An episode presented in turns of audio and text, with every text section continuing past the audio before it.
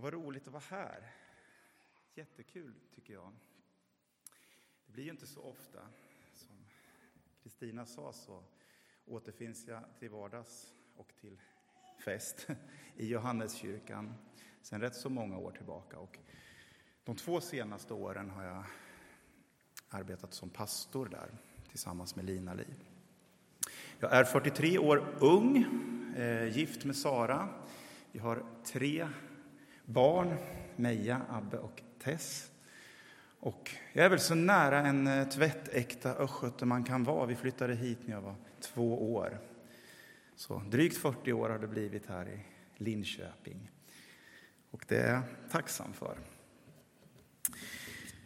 För ganska exakt tio år sedan, Kenneth nämnde 2007, jag vill också backa till 2007, för då påbörjade jag en resa som skulle föra mig till en punkt i livet som jag inte hade kunnat gissa mig till själv.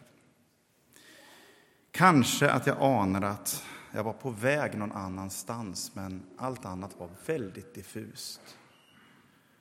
Vid den här tidpunkten hade jag och Sara varit gifta i tre år, lite drygt. Vi hade fått vårt första barn. Meja var ungefär ett halvår. Och jag jobbade på Centralskolan i Åtvidaberg. Det känns som jag hade haft i drygt tio år. Jag var bland annat kollega med Els-Marie Andersson. Jättekul att se dig. Ehm, jag var rätt så tillfreds med tillvaron. Nu hade jag bestämt. Jag är nybliven pappa, jag ska vara föräldraledig, jag ska vara hemma ett helt år. Det var sommar. Och det var en spännande känsla. I början av den här sommaren hade en av mina absolut närmaste vänner hamnat i en djup kris. Och de samtal som följde var många, de var långa och de är fortfarande pågående. Det kom att fördjupa vår vänskap radikalt. För min vän så innebar det här en vandring mot en egen tro på Gud. En fascinerande vandring som jag är oerhört tacksam att jag fått vara del av. Och för min egen del så, så innebar det här en, en ökad längtan efter fördjupning. Kanske inte på en gång, men efterhand så insåg jag jag måste veta mer. Alla frågor som kommer upp i våra samtal. Min vän som hade hundra frågor om vad kristen tro innebar. Men varför var Jesus tvungen att dö? Och hur ska man se på skapelseberättelser? Allt detta gjorde att jag insåg jag måste veta mer. Och Det här ledde till att jag rätt så oväntat, framför allt för mig själv tror jag, valde att söka till distansprogrammet på Örebro Missionsskola. Min tanke var att jag skulle ta tre grundkurser i teologi. Och nu när jag gick tillbaka och såg när jag började den första kursen, det var hösten 2009, då hittade jag en klasslista och så ser jag där, men vänta, Sten och jag gick ju den där första kursen tillsammans. Tiden går, det pratade vi om här på morgonen. De där tre kurserna visade sig bli fler, betydligt fler. Efter den här föräldraledigheten då som jag klev hem på sommaren 2007 så bytte jag tjänst. Jag fick jobb som förskolechef på en privat förskola här i stan. Jag var bland annat kollega med Eva-Lisa Hall som säkert flera av er känner. Men den här känslan av att jag var på väg någon annanstans, den växte sig bara allt starkare och tog allt mer energi.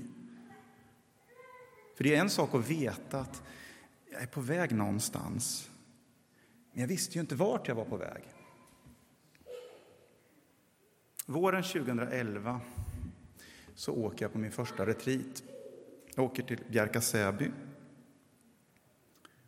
Och där når jag en punkt när jag inser att jag måste ta tag i det här.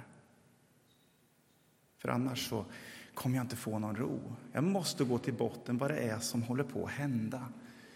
Och efter samtal med den erfarne retreatledaren, prästen och förläggaren Per Åkerlund så får jag rådet att söka andlig vägledning. Någonting som i det här skedet är något nytt för mig. Jag följer hans råd och inom någon månad så kommer jag i kontakt med en jämnårig präst här i Linköping. Och de samtal som vi har som följer under året som kommer mynnar ut i att jag väljer att säga upp mig från den tjänst som jag har. Ett beslut som när jag väl har landat i det känns väldigt naturligt trots att jag där då inte har en aning om vad det här ska leda till. Jag vet ju vad jag säger upp mig ifrån, men jag har ingen susning om vad det är jag har sagt upp mig till. Men jag är helt övertygad om att nu är tiden mogen. Nu är det tid att gå. Och Det handlar inte om stundens ingivelse, utan när jag ser tillbaka så, så ser jag att ja, men det här är ett beslut som har tagit fem år att landa i. Fem års processande med mig själv, med andra och framför allt med Gud. Och när vi sen sitter där i stugan, juli 2012, bara några veckor efter att jag gått hem från jobbet för sista gången, då säger Sara, som är en klok kvinna, det är ju teologi du vill läsa.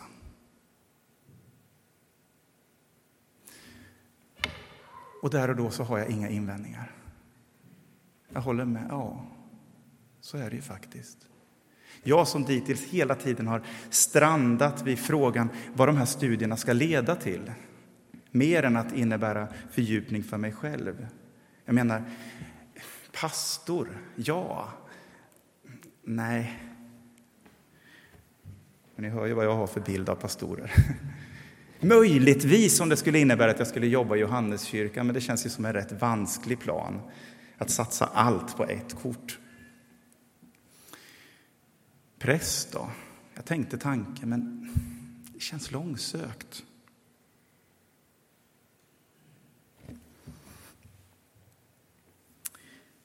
Men där och då är det som, som om de här invändningarna är som bortblåsta. Eller i alla fall av underordnad betydelse. Jag tänker, men om Gud har fört mig till den här punkten, då borde han rimligtvis leda mig vidare också. Och när sommaren är över så sitter jag ner med Magnus Tunehag som var en av mina pastorer då och förklarar läget och mina tankar och att jag inte vet riktigt vad det här ska leda till, men att jag är säker på att jag ska gå. Då säger han till mig, men måste du bestämma exakt vad det ska leda till? Ska du inte påbörja studierna och se vad det här leder till? Och så får det bli. Drygt två år senare, hösten 2014, så sitter jag ner igen med Magnus och då är jag rätt så frustrerad. För jag har fortfarande ingen aning om vad alla de kurser jag har läst ska leda till. Jag kan inte se tydligt. Men där i avslutningen av samtalet så säger Magnus, du, eh, jag kommer nog inte vara kvar så länge som pastor här i Johanneskyrkan kommer nog ordna sig för dig, ska du se. Och kort efter så får Magnus frågan från församlingen i United i Malmö. Och han väljer att följa den kallelsen. Och som en följd av det så föreslås jag att ta vid efter honom. Och hösten 2015 avskiljs jag som pastor i Johanneskyrkan. Och det är där jag befinner mig idag. Jag kan känna både tacksamhet och förundran. För mig så blev det här ett tydligt vittnesbörd om hur Gud gav ljus åt min väg så att jag kunde se var jag skulle gå. Ibland så kunde jag se det för lite längre sträckor, oftast bara för något enstaka steg i taget. Men när jag ser tillbaka så fanns det alltid en tydlig riktning. Jag, Samuel, en enskild individ i ett oändligt universum och samtidigt omsluten av Guds omsorg, av hans ljus.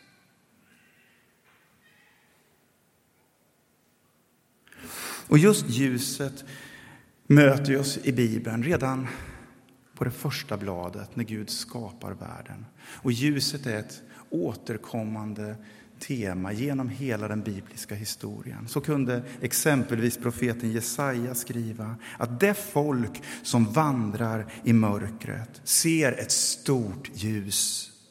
Över dem som bor i mörkrets land strålar ljuset fram. Ord som nedtecknades många hundra år innan de skulle uppfyllas. Ord som vittnade om ett stort ljus som skulle stråla fram. Ord som ingav hopp, men som rimligtvis också väckte frågor.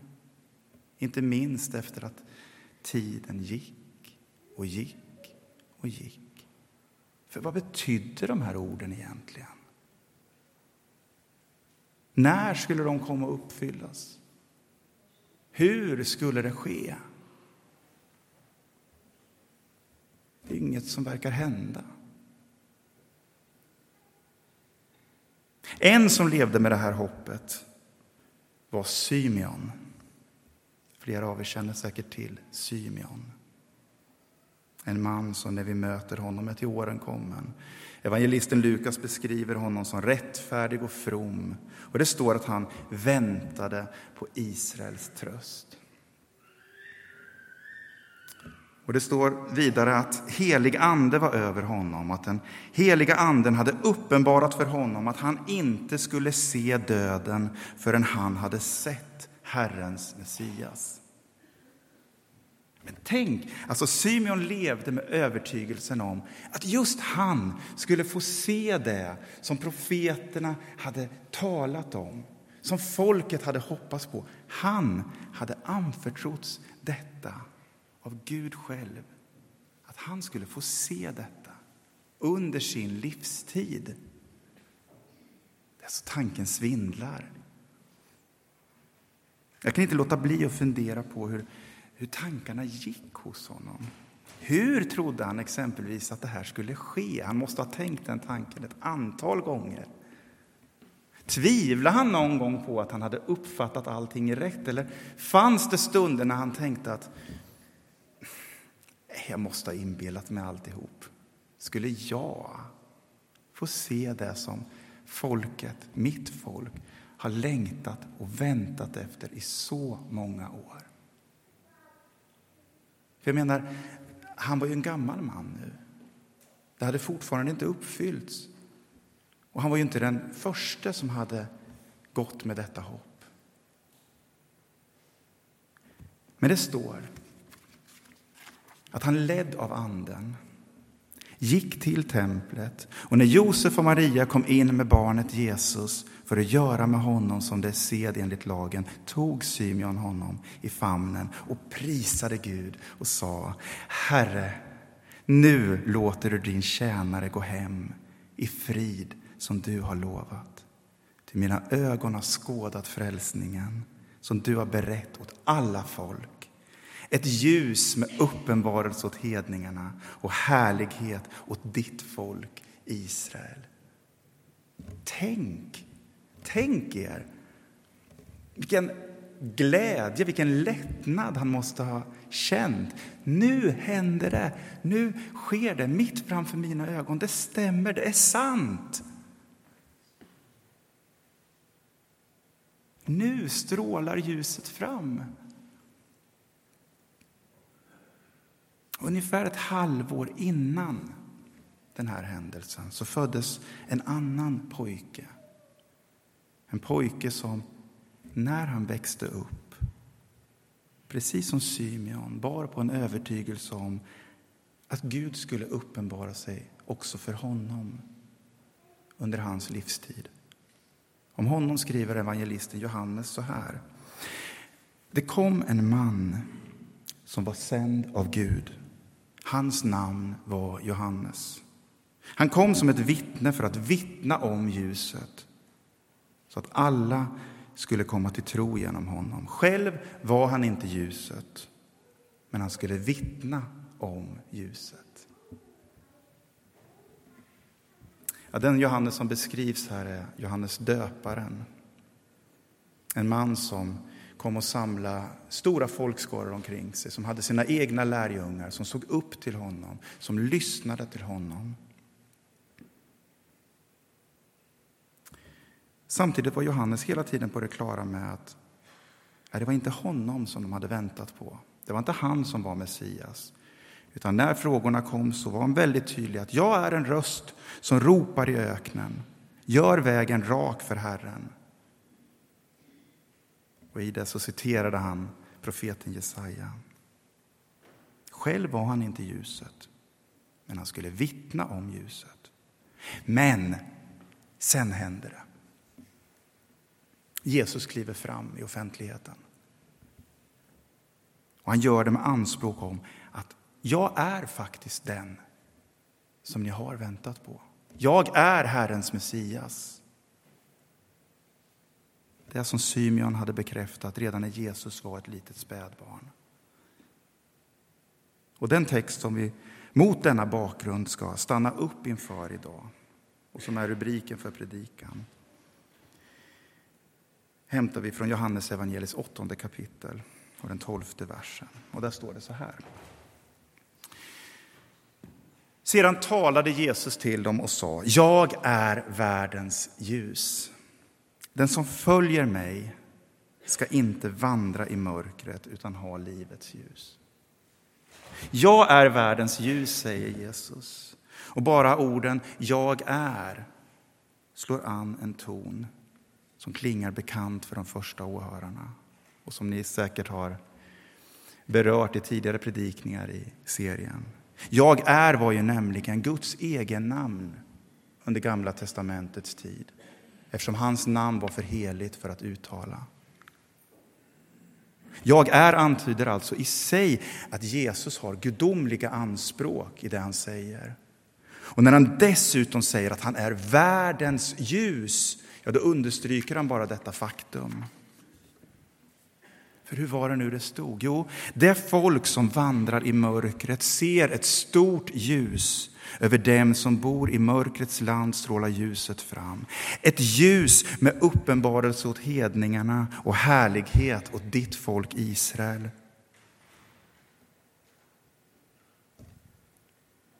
Och det är som om dåtid och framtid smälter samman i ett brinnande nu.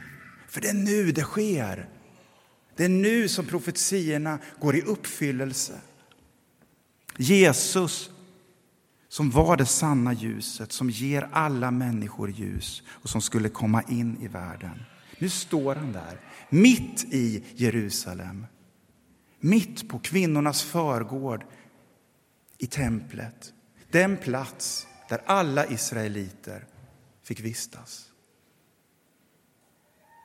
Och när han uttalar dessa ord så gör han det i direkt anslutning till den stora lövhyddefesten. En av de stora judiska högtiderna som firas varje år och som bland annat rymde den stora ljusfesten. En spektakulär tillställning där just kvinnornas förgård fylldes med ljus. Man tände jättelika kandelabrar. Man dansade och sjöng hela natten. Det talas om hur hela Jerusalem lystes upp så man kunde se det långt därifrån. Men nu var festen över. De sista ljusen hade brunnit ut. Tillvaron hade börjat återgå till vardag. Då kliver Jesus fram. Med den stora festen på näthinnan så toppar han allt det som han har varit med om och säger jag är världens ljus. Den som följer mig ska inte vandra i mörkret utan ha livets ljus. Ja, vad är det egentligen Jesus säger? Jag är världens ljus. Ja, det visar att hans anspråk saknar gräns. Han angår alla, hela världen. Och den som följer honom ska inte vandra i mörkret utan ha livets ljus. Det är väldigt stora anspråk.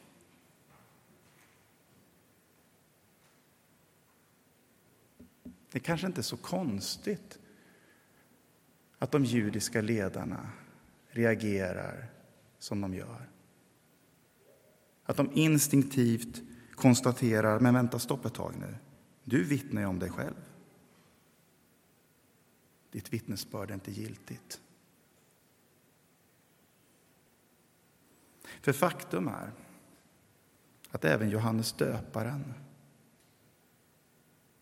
han som så frimodigt och samtidigt ödmjukt hade vittnat om Jesus, om världens ljus, kom till en punkt när även han var tvungen att veta om det verkligen var sant, det Jesus sa.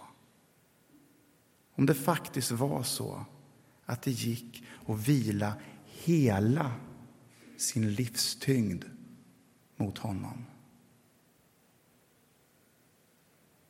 När allt står och faller med om det är sant, det som Jesus säger. För när Johannes sitter fängslad så står det berättas att han sänder bud till Jesus med frågan Är du den som ska komma? Eller ska vi vänta på någon annan? Man riktigt anar oron hos Johannes. Var det värt det? Hur han i fängelse inte, inte hade kunnat undgå att ställa sig frågan om det här var sant. Men Jesus svar lugnar honom. För han säger, gå och berätta för Johannes vad ni ser, hör och ser, att blinda ser och lama går, spetälska blir rena och döva hör, döda står upp och fattiga får ett glädjebud. Salig är den som inte kommer på fall för min skull. Och budskapet är väldigt tydligt. Genom att tala om vad han gör så visar också Jesus vem han är. Och det blir väldigt tydligt att ord och handling säger precis samma sak. Och när Jesus står där på kvinnornas förgård och uttalar orden ”Jag är världens ljus”, ja, då har han redan mer än en gång kommit med ljus, både till enskilda människor och till stora folksamlingar. Den händelse, exempelvis, som utspelades precis innan Jesus reser sig upp det är den om kvinnan som hade begått äktenskapsbrott. Hon som hade ertappats av de judiska ledarna som menar att den här kvinnan ska stenas. Vad säger du?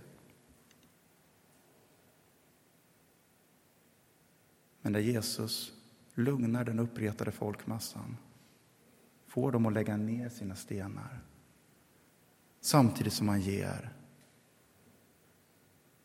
kvinnan upprättelse. Inte heller jag dömer dig. Gå nu och synda inte mer. Jesus Kristus, livets ljus, han inger hopp och ger samtidigt vägledning. Jag bekräftas som den jag är och jag inser samtidigt mitt beroende Ett beroende av honom som är livets ljus. Han som är världens ljus. Och det här ljuset kommer att spridas som en löpeld. Trots motstånd, trots förföljelse, så bröt ljuset fram allt mer. Från den tidiga kyrkan fram till våra dagar.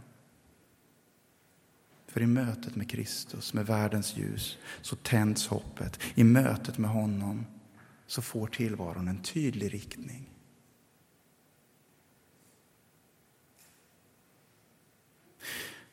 Kanske finns du här idag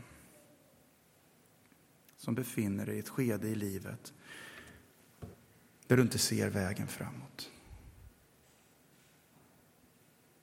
Där du, liksom jag gjorde, kan ana att någonting håller på att hända. Att du är på väg någonstans men där du inte kan se målet. Gud finns där. Han leder dig. Det betyder inte att han alltid kommer låta dig se allt. Det gör han väldigt sällan. Det kan vara oerhört frustrerande.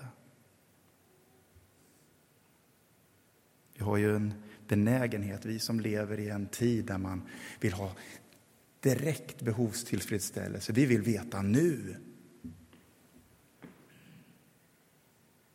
Det är inte alltid Gud agerar på det sättet och följer de spelreglerna. Och han leder oss kanske inte alltid dit vi först tror att han ska leda oss. Men han känner dig bättre än vad du själv gör. Han vet exakt vad du behöver. Och här kan Symeon lära oss väldigt mycket om att uthålligt fortsätta att hoppas på det vi ännu inte har sett. Det är inget blint hopp. Det är ett hopp som vilar på Guds löften om att aldrig, aldrig överge oss.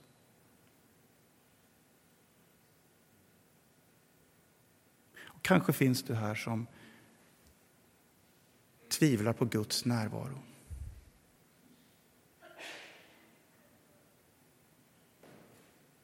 Gud känns ju så avlägsen. Så tyst. Och så kan det i sanning vara emellanåt. Jag skulle uppmuntra dig att våga uttrycka detta inför Gud. Att likt Johannes döparen faktiskt ställa frågan, okej okay, Jesus, är du den som ska komma eller ska jag vänta på någon annan?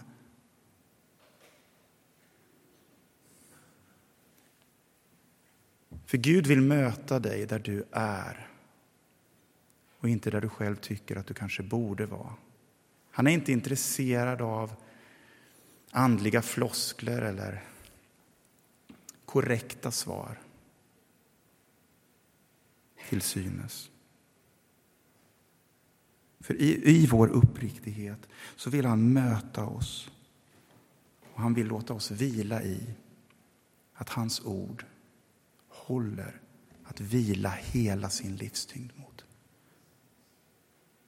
Där sanningsfrågan är helt avgörande, för det är den. Och Gud vet det, och han tar dina frågor på största allvar. Han som aldrig är långt borta från någon enda av oss.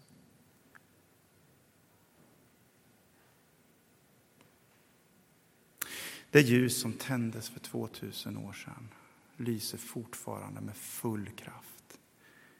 Det är inte en flämtande låga som vi måste skydda med våra kupade händer för att det inte ska släckas. Det är inte ett bloss som flammar upp och som försvinner lika snabbt. Nej, Jesus Kristus är det ljus som ger världen liv och som lyser oavsett hur mycket det stormar. Oavsett om du just nu frimodigt och med glädje blickar fram mot dagar som ska komma. Eller om det knyter sig i magen, bara du tänker på framtiden.